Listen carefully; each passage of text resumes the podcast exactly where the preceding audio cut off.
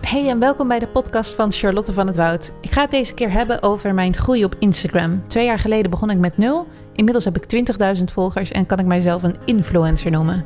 Hoe vind ik dat? Hoe word jij dat? Wat zijn de negatieve consequenties aan en wat zijn de voordelen? Allemaal in deze episode. Ga even beginnen met het gehate woord influencer. Ik gebruik dat continu. Ik gebruikte dat geloof ik al vanaf dat ik een stuk of vier of vijfduizend volgers had. Vol trots. Want voor mij heeft het nooit een negatieve connotatie gehad. Ik heb altijd gedacht als ik influencers zag of als er over influencers werd gesproken. Wauw, wat gaaf om dat te bereiken. Om zo ontzettend veel mensen op social media te hebben die volgen wat jij doet. Daar op een bepaalde manier een impact op te kunnen maken. En op die manier ook onder andere je geld te kunnen verdienen. Dat lijkt me awesome. En dat is denk ik ook een van de allergrootste en eerste redenen waarom ik daadwerkelijk mijzelf nu een influencer kan noemen. En dus die 20.000 volgers heb. Ik heb mij er nooit energetisch tegen verzet. En dat klinkt een beetje zweverig gelijk. Maar ik geloof heel erg als je continu zegt: Oh, dat lijkt me helemaal niks. Oh, ik vind die mensen stom. Oh, ik wil daar niet op lijken. Oh, ik schaam me om dit nu te doen. Dan ga je het natuurlijk ook niet aantrekken. Terwijl ik eigenlijk vanaf de seconde dat ik bedacht: wacht eens, dit zou ik zelf ook wel willen zijn.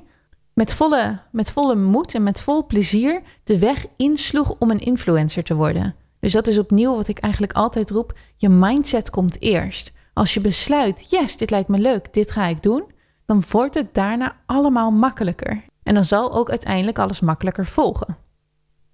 Betekent het dat ik mijzelf op één grote hoop schaar met iedereen die zich influencer noemt? Nee, natuurlijk niet. Maar net zoals dat er ondernemers zijn die ik helemaal niet leuk vind of helemaal niet inspirerend, betekent nog niet dat ik het woord ondernemer een lading ga geven of ga zeggen: Oh, dat is een vervelend iets. Ondernemer betekent gewoon heel erg sec, je bent iemand met een onderneming. En influencer betekent gewoon heel erg sec, je bent iemand met een grote following op Instagram of op een ander social media platform die daadwerkelijk impact kan maken. En ik zou zeggen, hoe meer influencers er in de wereld zijn, hoe meer mensen de wens hebben om een impact te maken op andere mensen, hoe toffer. Dus dat lijkt mij les 1. Op het moment dat jij eigenlijk denkt van jezelf: hé, hey, ik zou een influencer willen worden of willen zijn, verzet je er niet tegen. Stop met haten op Instagrammers. Stop met haten op het woord influencer. Oké, dat was even mijn korte inleiding. Maar ik wil je even terugnemen naar het moment dat ik Instagram eigenlijk voor het allereerste moment begon te gebruiken. En dat was toen ik net mijn bedrijf startte. In april 2017 ben ik mijn allereerste bedrijf begonnen, Spot. En op dat moment had ik bijna geen vrienden om mij heen die net als ik ondernemer waren. En het was een beetje een eenzame periode. Ik heb daar wel eens vaker over verteld als je mijn verhaal kent. Vrienden die het allemaal niks vonden, familie die ook allemaal zoiets hadden van doe het niet. En ik was echt keihard op zoek naar inspirerende vrouwelijke ondernemers. Een nieuwe groep vriendinnen met wie ik om kon gaan, aan wie ik me kon optrekken, van wie ik inspiratie kreeg en die het ook daadwerkelijk leuk zouden vinden om over mijn ondernemersverhalen te horen. Dat was niet helemaal het geval met mijn huidige vriendinnen.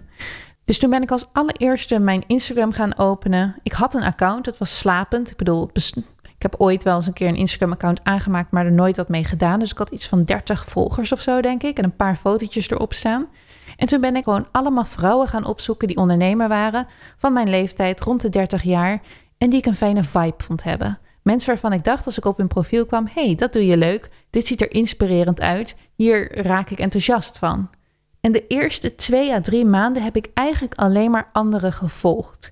Ik zag dat zij foto's post. Ik snapte een klein beetje meer het doel van Instagram. Want voor mij was dat tot die tijd altijd heel erg. Instagram gebruik je alleen maar om mooie foto's van jezelf neer te zetten.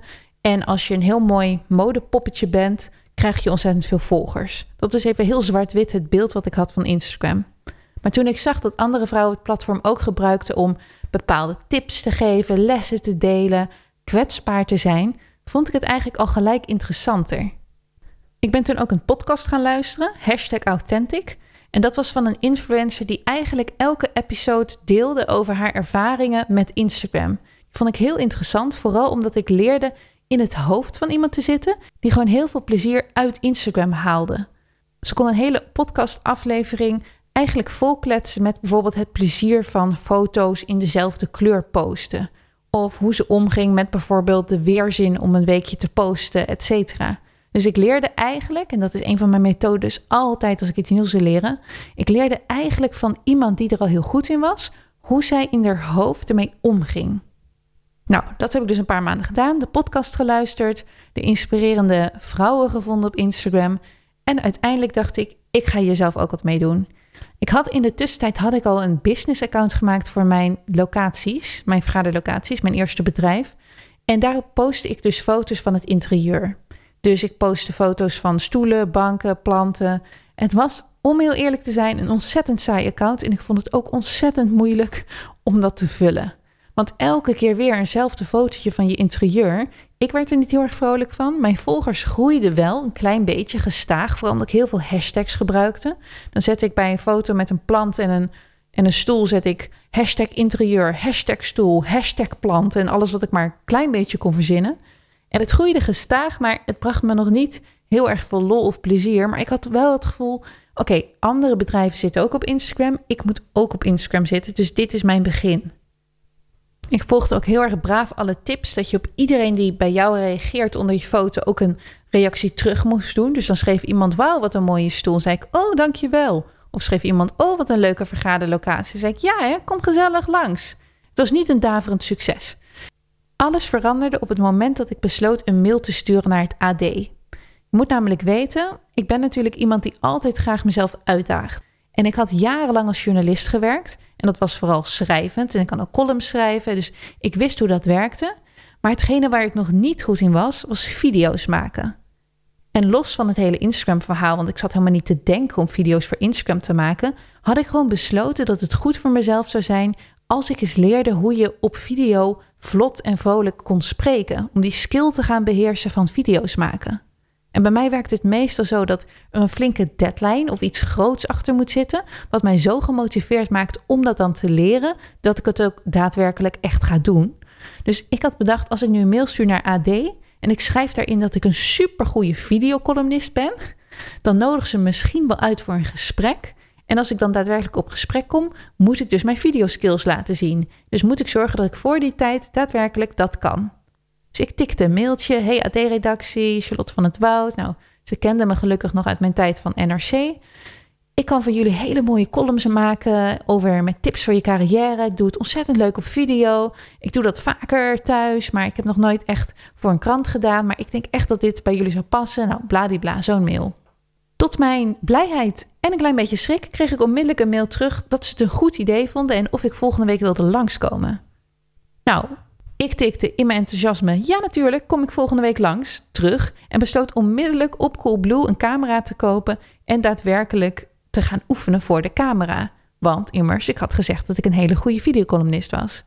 Nou, de camera kwam de volgende dag aan, pakte ik uit, ik zette alles klaar. Ik had, ik had een van de allerduurste camera's gekocht en alle toeters en bellen erbij besteld. Dus ik had ook een hele een, statief had ik staan, ik had een lampenset staan.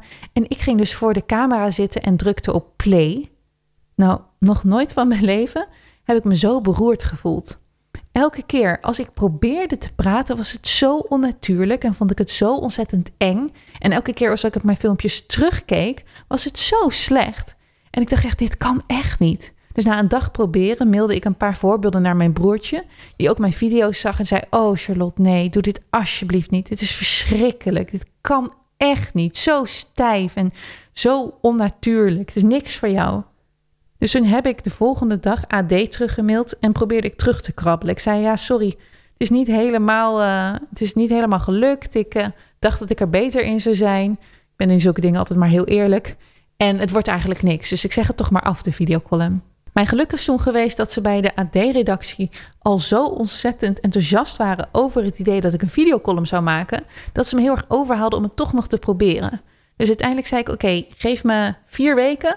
En dan kom ik bij jullie terug en dan kan ik wel daadwerkelijk dat gesprek doen. Dus toen moest ik creatief zijn. In vier weken moest ik nu wel echt daadwerkelijk leren om voor video te spreken. En dat is het moment waarop Instagram eigenlijk bij mij echt in de picture kwam. Ik besloot namelijk om te gaan oefenen met Instagram Stories. Ik had toch nauwelijks volgers op mijn eigen persoonlijke account. Het zou na 24 uur weer weg zijn. En als ik dus leerde om in ieder geval tegen mijn mobieltje te praten en in het luchtledige te praten, tegen een camera en mijn eigen gezicht elke dag zou zien en mijn eigen stem elke dag zou horen, zou ik hopelijk na vier weken wel gewend zijn om mezelf op camera te zien en niet een enorme flater slaan bij de AD-redactie. Dus dat ben ik gaan doen. Ik ben elke dag gaan vloggen. En de allereerste keer om tegen mijn camera te praten en dat te uploaden. En ook al had ik, ja, wat zal het zijn? Misschien 40 volgers, 50 volgers. Ik vond het zo ontzettend eng. Ik weet nog dat ik op de hoek van de straat stond en ik had besloten om in de camera te gaan zeggen: Ik loop nu naar een van mijn opdrachtgevers toe. Ik had daarvoor had ik al wel wat filmpjes gemaakt, maar nooit met mezelf in beeld. Of alleen met mezelf in beeld terwijl ik niks zei. Want het gaat vooral om dat praten wat ik heel erg eng vond. En nu dacht ik dus op die straathoek: dit is het moment. Ik ga het nu doen. Ik ga het nu uploaden. En ik stond daar half trillend. Ik heb het denk ik dertig keer over gedaan. Eén simpel zinnetje. En uiteindelijk dacht ik, nou, het moet maar. Dit gaat de wereld in. En die spanning die ik toen voelde, ik kan hem nu bijna niet meer voorstellen, maar ik weet nog wel hoe zenuwachtig ik was. Die heeft eigenlijk, de, uh, nou, ik wil zeggen, de eerste drie, vier dagen wel een beetje aangehouden. Elke keer als ik iets in de camera zei, vond ik het spannend en vond ik het onwennig. En was het niet hoe ik het in mijn hoofd had, een heel natuurlijk proces. En dat is weer een van de lessen die ik heel erg heb geleerd. Je bent op het moment dat jij voor het eerst gaat vloggen, ben je niet de persoon die jij kent van jezelf. Je stem klinkt anders en dat heeft te maken met op het moment dat jij aan het praten bent, gewoon in, het, in de ruimte, dan hoor je jouw stem op twee manieren. Eén, door jouw oren, maar zoals alle mensen om je heen jouw stem horen.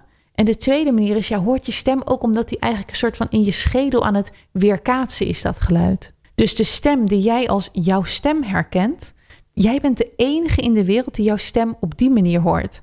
Alle andere mensen om jou heen horen jouw stem op de manier waarop jij jouw stem op camera hoort. En heel veel mensen gillen altijd van: Oh, mijn stem klinkt zo gek. Als ze zichzelf op camera terugzien, op video. Maar dat is dus niet gek, want andere mensen zijn gewoon die stem zo gewend. Het enige wat er moet gebeuren is dat jij gewend raakt aan die stem. Het is niks anders dan gewenning en je vindt het gek klinken omdat je het niet gewend bent. Dus toen ik dus eigenlijk weken achter elkaar, in die vier weken, elke dag tegen mezelf begon te praten, begon ik dus ook mijn eigen stem te herkennen en was dat deel al minder onwennig. Ik leerde ook hoe ik mijn camera beter vasthield. Ik leerde ook heel snel wat wel of niet werkte. Wanneer haakten kijkers af? Het was natuurlijk een hele kleine groep volgers die ik had, maar het werkte wel. Ik zag ook echt daadwerkelijk dat het aantal groeide. Nou, even vast voor. Dat AD, dat is helemaal gelukt. Ik kwam daar uiteindelijk die filmpjes maken. Ik was echt in vier weken al zo gegroeid dat ik zelfs voor de camera staan veel minder eng vond dan daarvoor. Dat het ook beter ging. Ik werd dus aangenomen voor de videocolumn. Die heb ik uiteindelijk anderhalf jaar lang gedaan. En het heeft er dus voor gezorgd dat ik eigenlijk mijn Instagram-carrière heb gelaunched. Op dat moment had ik dus besloten: vanaf nu ga ik elke dag videovloggen. En ik hield er dus ook niet mee op. Want ik merkte dat ik het zo ontzettend leuk vond om die dagelijkse vlogs te maken. En ik het ook zo ontzettend leuk vond om mijn creativiteit daarin kwijt te kunnen. En ondertussen ook merkte hoe ontzettend veel ik eraan had. Ik kreeg meer bekendheid, ik kreeg meer nieuwe volgers. Ik kreeg mensen die opeens heel positief reageerden op mijn verhalen die ik niet eens kende. Het allereerste moment dat ik een comment kreeg van iemand die, die niet mijn, mijn naaste vriend was, maar die ze gewoon mij had gevolgd, vond ik ook zo bijzonder. Ik weet niet meer precies wanneer ik mijn eerste duizend volgers had. Volgens mij na ongeveer vier maanden. Dus dat ging in het begin ook echt ontzettend langzaam. En mijn eerste 10.000 volgers had ik na iets korter dan anderhalf jaar. En daarna ging het echt ontzettend snel. Na de 10.000 volgers, iedereen die dan op je account komt, die denkt eigenlijk al automatisch: oh, ze zal wel wat voorstellen. Dus ik ga er ook maar volgen, want ze heeft al zoveel volgers. Ik heb trouwens een tijdje de statistieken van Instagram. Um, waren de statistieken van Instagram anders. En dan kon je ook kijken hoeveel mensen je ontvolgden. Nou, bij mij volgen ongeveer 100 mensen per week mij erbij. En dat is uiteindelijk een resultaat van dat 400 mensen mij nieuw volgen en 300 mensen afvallen. Dat was nogal confronterend om te zien. Maar de groei van 100 mensen per week heb ik dus eigenlijk een beetje steady volgehouden. En elke keer als ik een shout-out krijg van een grote influencer, helpt dat vooral heel erg. Dus dan krijg ik er opeens soms wel 500 of 600 mensen bij. Dat is een paar keer voorgekomen. En even überhaupt voor de goede orde. elke keer als je bij mensen ziet staan dat ze bijvoorbeeld 20.000 volgers hebben, bij mij is ongeveer de helft van het aantal mensen wat ook echt daadwerkelijk naar mijn stories kijkt. Dus het is niet zo dat alle 20.000 elke dag daadwerkelijk klaar zitten om die stories te zien. En ik weet dat de helft bij mij is, dat is heel erg veel. Bij de meeste mensen is dat volgens mij tussen de 20 en 30 procent. Dus voel je niet vervelend als jij duizend volgers hebt en dan kijken maar 200 mensen je stories. Dat is vrij normaal. Die statistieken zijn vrij normaal. Dat was even in het heel kort mijn verhaal van hoe ik influencer werd. Een van de meest gestelde vragen is altijd: hoe komt het dat het bij jou zo goed werkt? Ik denk dat een paar dingen daar het succes van zijn. Als eerste, ik ben journalist geweest. Dat helpt ontzettend om weten hoe je een publiek bereikt met een bepaalde boodschap. Ik heb zeven jaar lang training gehad, en dan wel schrijvend, maar in nadenken over hoe ik abstracte dingen omzet in iets praktisch, leuks, lekkers te lezen. En dat doe ik nu gewoon precies hetzelfde met video. Ik denk na over hoe ik de wereld om mij heen op een leuke, praktische, vlotte manier overbreng in video. Dus ik kan die koppeling heel goed maken. Dus dat heeft absoluut geholpen. Het tweede wat eraan bijdraagt is denk ik mijn extreme openheid en authenticiteit op stories. Ik heb daadwerkelijk een echt een soort van brandende missie om de mensen om mij heen en voornamelijk vrouwen te laten inzien hoe ik dingen doe, hoe ik dingen bereik. En voor mij was bijvoorbeeld toen ik een jaar of 18, 19 was en ik de zelfhulpboekenwereld ontdekte. Het was met elk boek wat ik las alsof er iemand was die zei: hey, luister, het leven is niet zo ingewikkeld of zo groot of zo eng of zo onmogelijk wat jij denkt. Hier is een soort van handleiding voor het leven. Doe stap 1, 2, 3 tot en met 10 en dan kom je op de plek waar ik ook ben. En ik geloof best wel in die maakbaarheid. Dus ik geloof erin dat op het moment dat jij iemand echt nadoet, dat je dezelfde dingen doet als iemand anders. En natuurlijk met je eigen uniekheid en met je eigen skillset en met je eigen persoonlijkheid erin, maar dat je dan daadwerkelijk op dezelfde soort resultaten komt. Dus ik vind de boodschap: hey, ik heb dit bereikt, ik heb twee bedrijven of uh, ik ben influencer. En dan niet vertellen hoe je daar bent gekomen en daar geheimzinnig over doen dat vind ik, um, ja, wil nu niet heel hard klinken, maar ik, ik irriteer me daar altijd helemaal kapot aan als andere vrouwen dat doen. Want voor mij, ik voel zelf heel erg die verbondenheid van wij mensen op aarde moeten elkaar allemaal helpen. En wij mensen zijn hier om elkaar te helpen. En als jij dus iets hebt uitgevogeld, als jij een methode hebt gevonden, of als jij iets hebt bedacht waarvan je denkt: wow, dit werkt voor mij heel erg goed, dan voel ik me eigenlijk bijna verplicht om dat met anderen te delen. En omdat ik daar dus zo open en transparant op mijn stories continu deel wat ik weer heb geleerd. Ik, ik denk zelf dat mensen dat daadwerkelijk door de camera heen voelen. Dat dat voor mij niet. Kijk, het is marketingtechnisch ook heel erg handig. Maar het is bij mij niet in de eerste plaats iets marketingtechnisch van. Oh, ze is een heel authentiek persoon. Dus dat is goed voor de personal branding. Nee, het is bij mij ook echt uit een diep verlangen dat ik denk van. Oh, maar wat ik heb, dat kunnen jullie ook bereiken. En dat kan je zo, zo en zo doen. En of dat nou is dat ik denk van, ik ben een introvert en ik wil aan jullie leren dat je als je introvert bent, dat je bepaalde regels in acht kan nemen, dat je dan veel fijner leven hebt. Of dat het nou is van, hey, ik heb nu zoveel geld verdiend, ik ga je leren hoe ik over mijn prijzen nadenk en hoe ik mijn producten aanprijs en welke trucjes ik daarvoor gebruik. Of dat het nou is, hey, ik ben heel goed in stories maken. Ik ga een cursus maken en dan ga ik jullie al mijn tips ingeven. Ik ben continu, probeer ik echt daadwerkelijk vanuit mijn tenen te laten zien, dit is de weg er naartoe en dit kan jij ook. En dat slaat aan. En om eerlijk te zijn snap ik wel dat dat aanslaat, want ik ben ook namelijk heel erg blij als andere mensen dat doen. En ik word daar ook enthousiast over. Op het moment dat mensen iets van jou kunnen leren, op het moment dat zij iets iets doen waardoor ze geïnspireerd zijn en dat komt door jou, dan stoten ze de mensen om hen heen aan. Dan zeggen ze: hey, je moet die eens volgen. En dat is bij mij de voornaamste groei geweest. Mensen die gewoon tegen hun vriendinnen zeiden: hey, heb je Charlotte al gevolgd? Want die is heel interessant voor jou. En op zo'n moment, als je mensen hebt die dus in jouw doelgroep passen en jou helemaal te gek vinden, en zij vertellen dus weer aan hun vriendinnen waarvan zij weten: hey, dat is ook Charlotte's doelgroep, want anders ga je niet die tip geven zorgt er dus voor dat je een hele sterke following opbouwt. Met alleen maar mensen die daadwerkelijk bij jou komen omdat ze een tip hebben gekregen van iemand anders dat jij zo leuk bent. Ik gebruik bijna geen hashtags, of eigenlijk nooit. Maar dat is voor mij dus ook nooit een manier van groei geweest om met hashtags te groeien. Iedereen is bij mij gekomen omdat ze hebben gehoord van iemand anders dat ik zo'n interessant Instagram-account heb en dat ik tips geef. Nou, ik heb hier een hele cursus over gemaakt, long story short. En daar ga ik heel erg in-depth in op alle facetten waarvan ik denk die handig zijn. A, qua mindset om stories te maken. B, qua techniek, storytelling, hoe je dat moet doen met een business account, et cetera.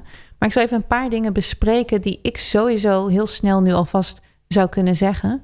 En het ene is bijvoorbeeld storytelling werkt. Heel veel mensen gebruiken nu Instagram stories op een meer losse manier. Dan zie je ze opeens heel even sporten, of dan zie je ze opeens koffie drinken, of dan zie je een soort foto van een mooi of grappig iets wat ze op straat hebben gevonden.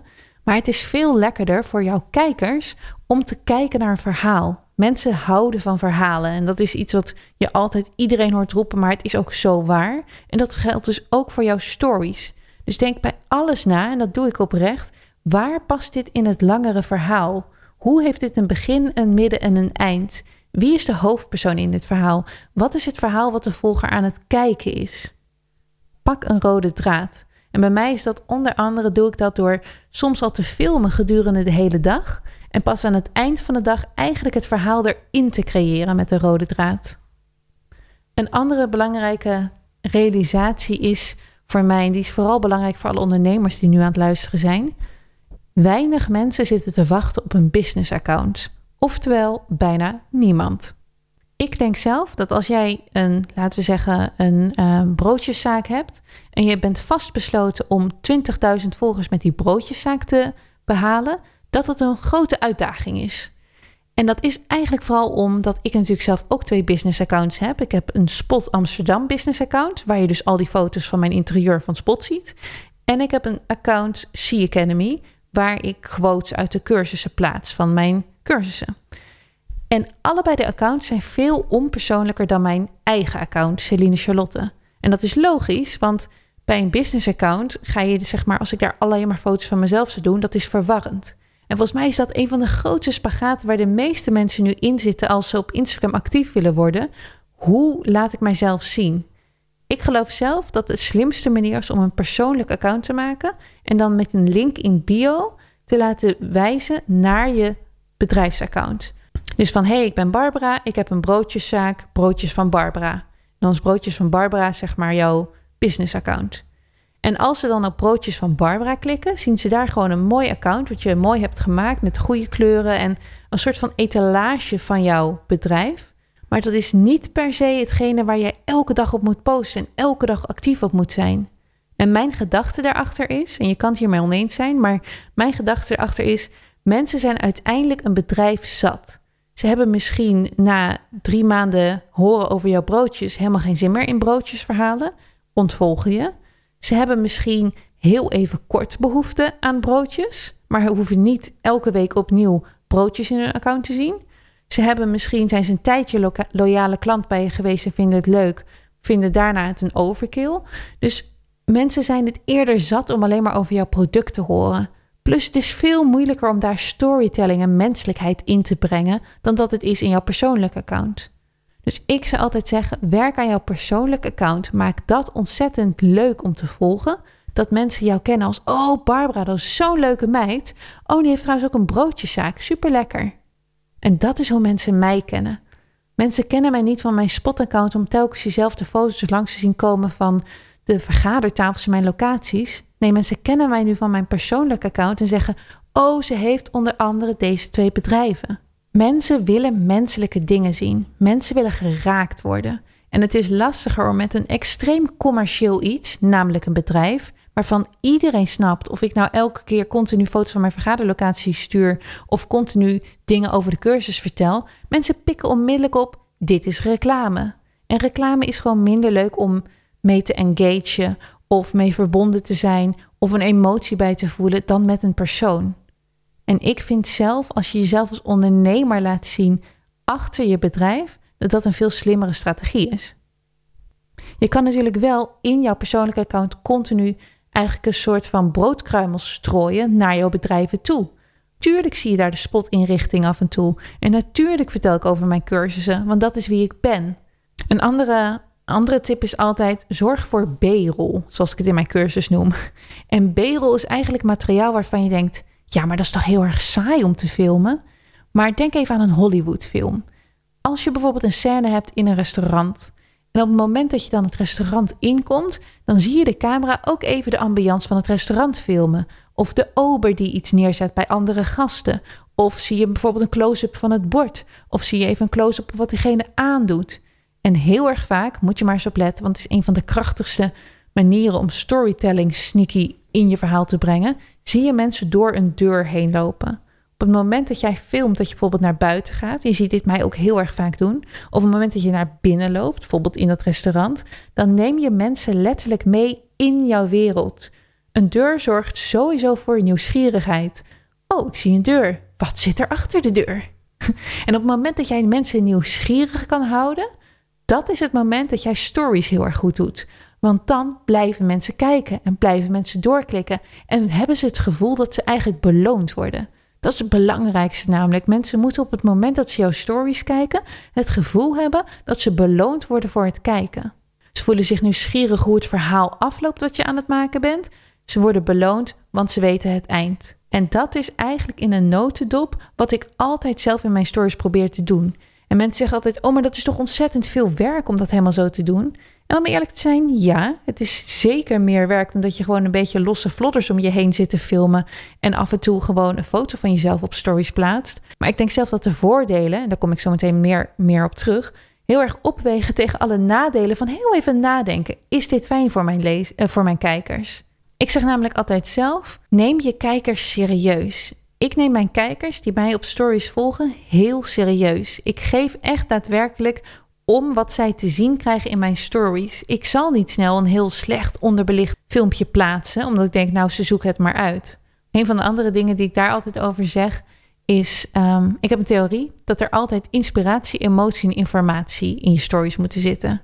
En die mix van die drie dingen, die zorgt dat je blijft kijken. Informatie is het makkelijkste. Dat is gewoon echt daadwerkelijk vertellen wat mensen zien. Dus je bent in een restaurant, zet erbij welk restaurant het is. Of je bent bij een concert, zeg wie, daar, wie daar aan het spelen is op het podium. Mensen houden niet van vaagheid. Dus op het moment dat iets vaag is, raken ze ongeïnteresseerd en swipen ze weg. Het volgende aspect is humor. En dat is waar ik, uh, waar ik net even wat over wilde vertellen. Want ik had een cursist, die had mijn uh, cursus gevolgd over stories maken. En die had ontzettend veel plezier in haar eigen stories kijken. En ze schreef, ja, ik schaam me dood, maar ik heb nu zulke leuke stories gemaakt. Ik blijf ze zelf maar kijken. Het is juist zo ontzettend goed als je plezier hebt in je eigen stories kijken. Want stel je voor dat jij al geen plezier hebt in je eigen stories kijken. Dan kan je ook niet verwachten dat andere mensen er plezier in hebben, toch? Dus als jij je stories leuk vindt, als jij er jouw grappen in stopt, jouw humor, als jij zorgt dat het een lekkere flow heeft, als jij eigenlijk wel vijf keer op een dag jouw mobiel zou willen pakken en nog eens kijken wat je nou net hebt gemaakt, zeg ik juist dat is goed. Dat wil je bereiken. Want op dat moment dat jij het leuk vindt, zijn er andere mensen te vinden die het ook leuk vinden. En dat bereik je dus door emotie in een, in een story te, te stoppen. En emotie kan dus humor zijn, maar het kan dus ook andere emoties zijn. En de laatste is altijd: probeer mensen te inspireren in een story. En dan hoef je van mij niet per se tips te gaan geven of allemaal mooie quotes te gaan vertellen of echt zeg maar een soort van de goeroe uit te hangen. Je kan mensen ook wel inspireren door een boswandeling te maken en te zeggen: ik had even een drukke week, ik ben heerlijk in het bos aan het wandelen. Ik ben zelf altijd verbaasd over hoeveel dingen mensen inspirerend vinden wat ik doe. Het kan gewoon echt simpelweg zijn dat ik naar het tuincentrum ga en bloemen koop. En dat andere mensen opeens zeggen: Wauw, ik heb opeens ook zo'n zin gekregen om mijn balkon op te ruimen door jou. Dat is ook inspiratie. Is dat een minder hoge of belangrijke vorm van inspiratie dan dat ik business tips vertel? Nee, natuurlijk niet.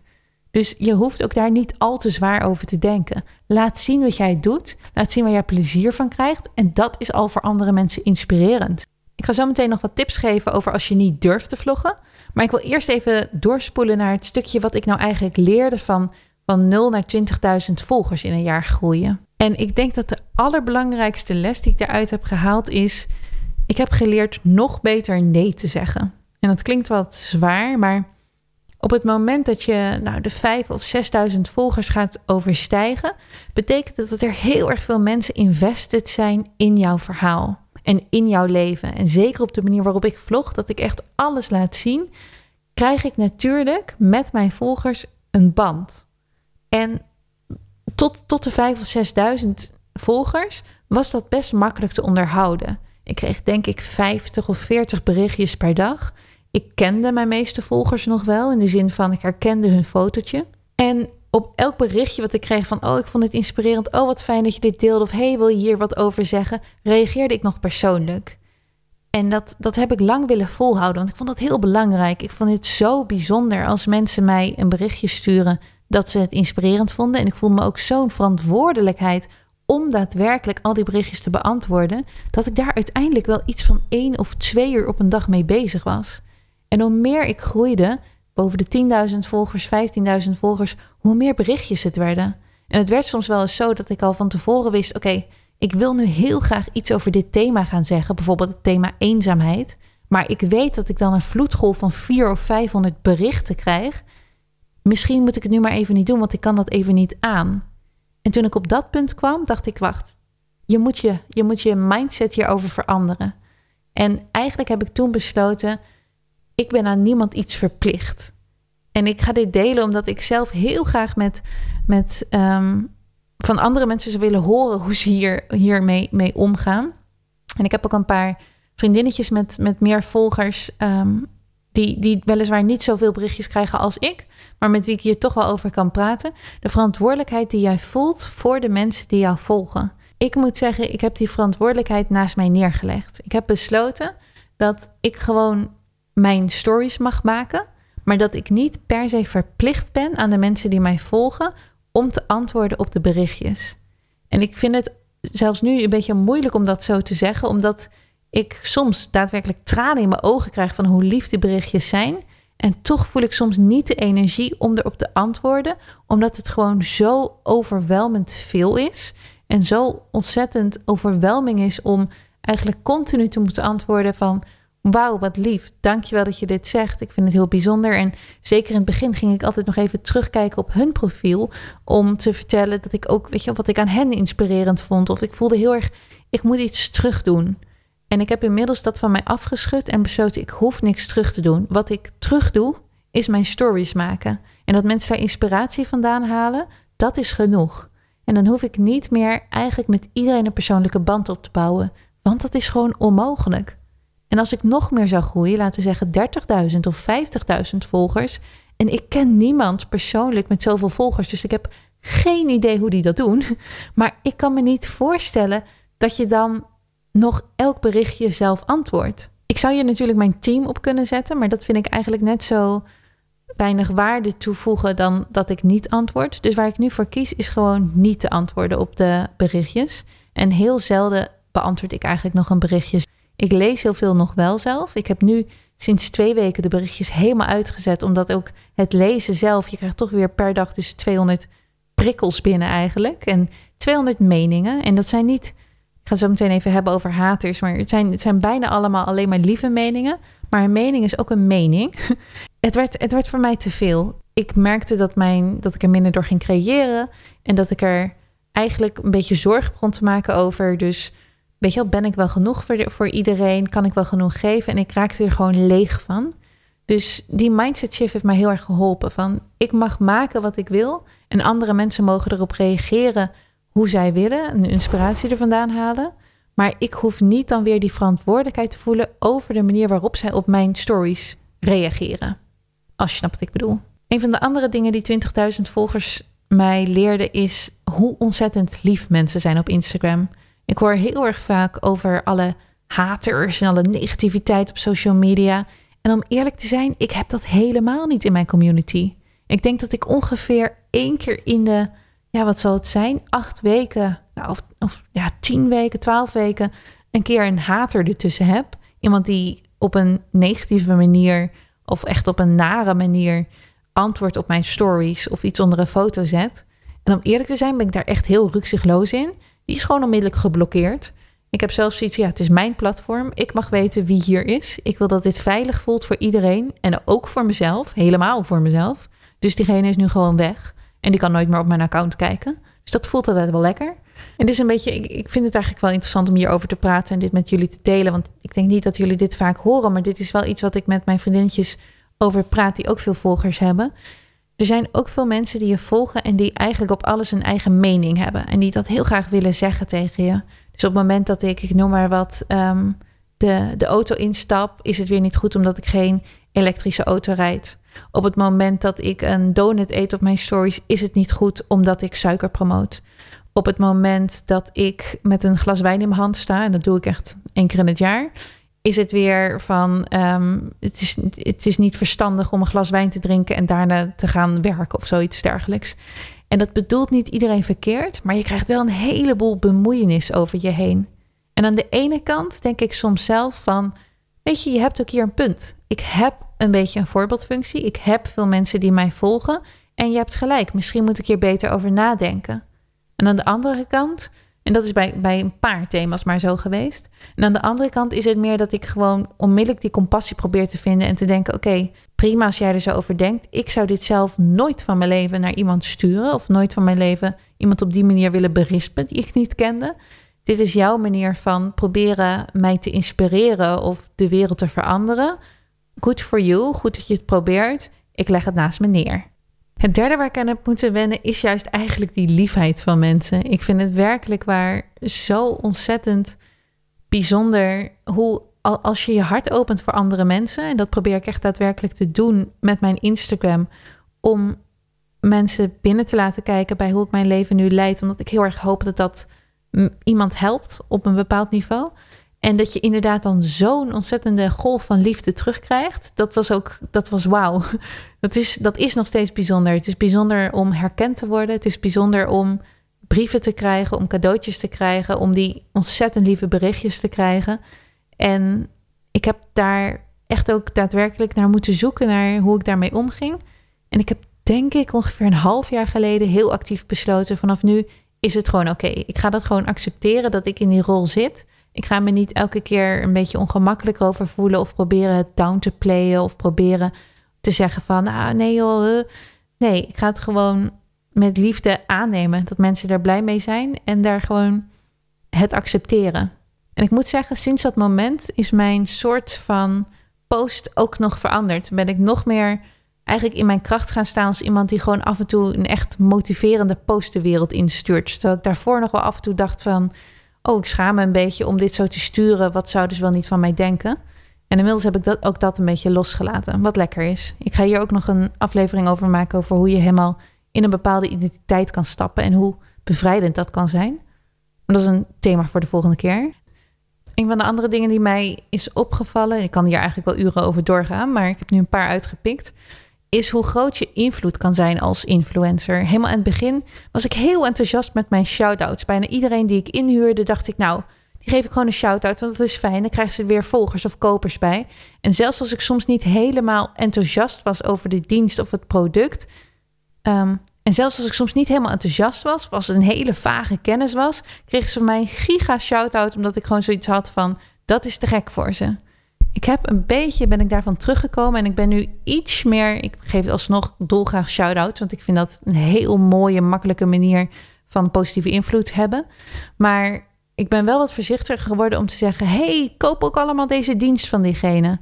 Want ik ben een paar keer, heb ik iemand aangeprezen en niet beseft hoe ontzettend veel impact dat had. En dat dan daarna, kijk, bij mij inmiddels als ik iemand aanprijs een paar duizend mensen, tussen de vier en vijfduizend mensen, klikken op die tag van, van de naam. En dat, die krijgen dan niet, die worden dan niet opeens allemaal gevolgd of zo.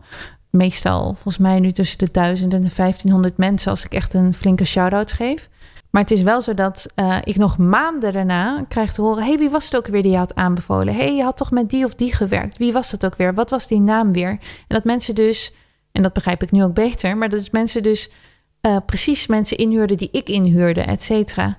En waar ik nu dus een beetje voorzichtiger in ben, is dat ik zelf een wat langere aanlooptijd wil hebben om te weten: is deze persoon ook echt helemaal fantastisch? Sta ik hier 100% achter?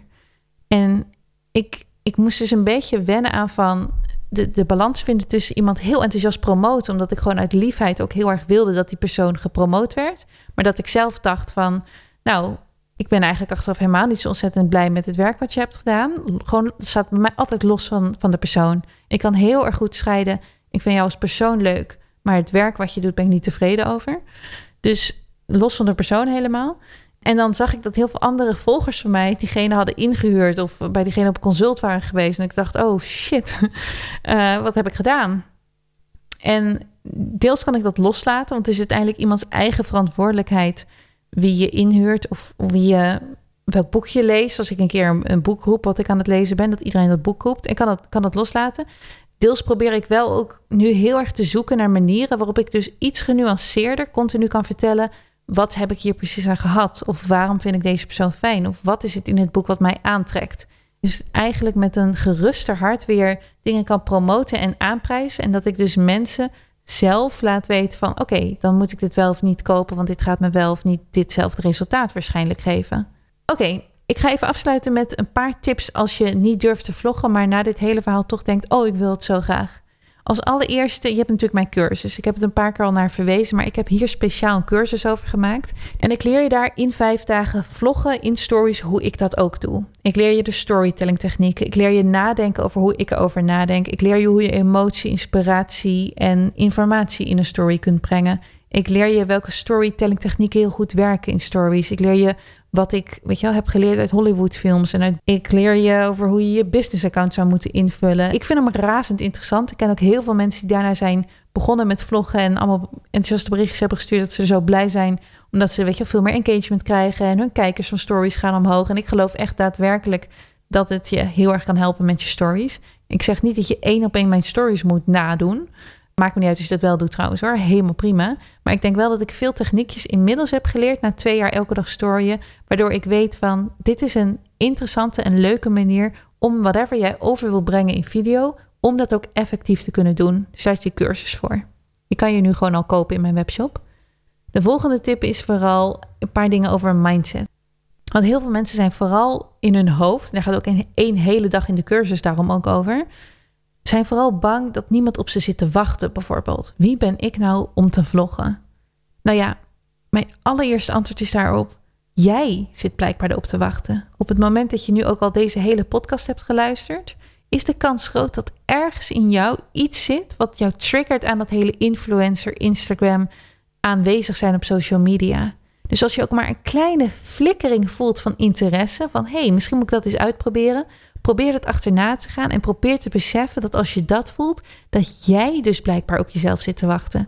Maakt niet uit wie er verder in de wereld op je zit te wachten, want ze weten nog niet wat jij kan en jij weet nog niet wat je kan.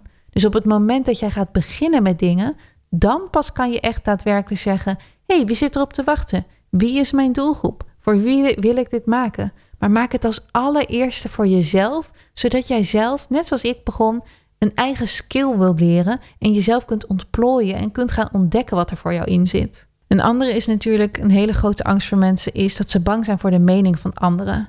Nou, als allereerste, mensen zullen altijd een mening over je hebben. Ben je totaal onzichtbaar op social media, zullen mensen zeggen: Oh, die doet er ook helemaal niks mee. Uh, ouderwets of zo. Terwijl als je zegt: Ik ga, ben, ga nu vloggen en elke dag aanwezig zijn.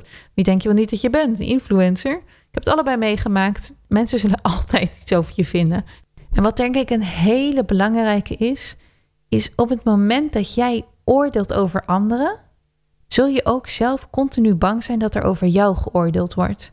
En dat zal ik even uitleggen. Ik had bijvoorbeeld een, een enquête de deur uitgestuurd. Of de deur uitgestuurd, dat klinkt alsof ik uh, in 1920 leef. Ik had een enquête op Instagram geslingerd. En daarin had ik gevraagd of mensen ehm, wat, wat hun grootste obstakels waren om zelf te vloggen.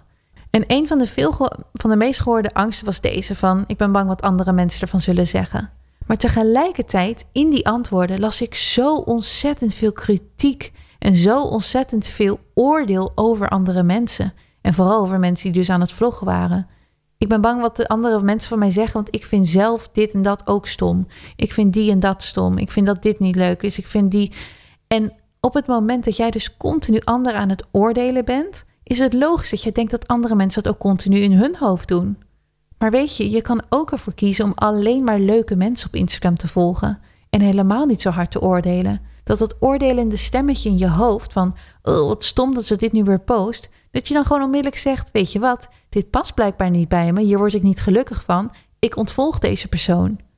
Stop met haat kijken. Dat is gewoon eigenlijk mijn belangrijkste boodschap. Op het moment dat jij dus niet meer een haat kijken is een beetje een populaire term voor kijk niet naar iemand die jou een negatief gevoel geeft. Dus op het moment dat jij daadwerkelijk denkt van dit is ik vind het stom om deze persoon te kijken. Besef dan, deze persoon past niet bij jou. De content die hij of zij creëert is niet waar jij gelukkig van wordt. Stop met kijken, zodat jij niet continu dat nare negatieve stemmetje in je hoofd hebt van... Wat stom dat ze dit maakt. Dat hoeft helemaal niet. Als je alleen maar mensen volgt die jij leuk vindt om te volgen, heb je dat stemmetje niet. Ik ben er heel precies in dat ik alleen maar mensen volg die ik inspirerend vind. Dus in mijn hoofd zitten die stemmetjes niet van ik ben bang wat mensen over mij zeggen. Want ik denk alleen maar, mensen vinden het leuk wat ik maak. Want als ik op Instagram kijk, vind ik het ook leuk wat andere mensen maken. Het laatste bezwaar wat ik hier even wil bespreken, en er zijn veel meer bezwaren hoor, maar die zijn dus allemaal in de cursus, is van, ik zie er zo gek uit op camera.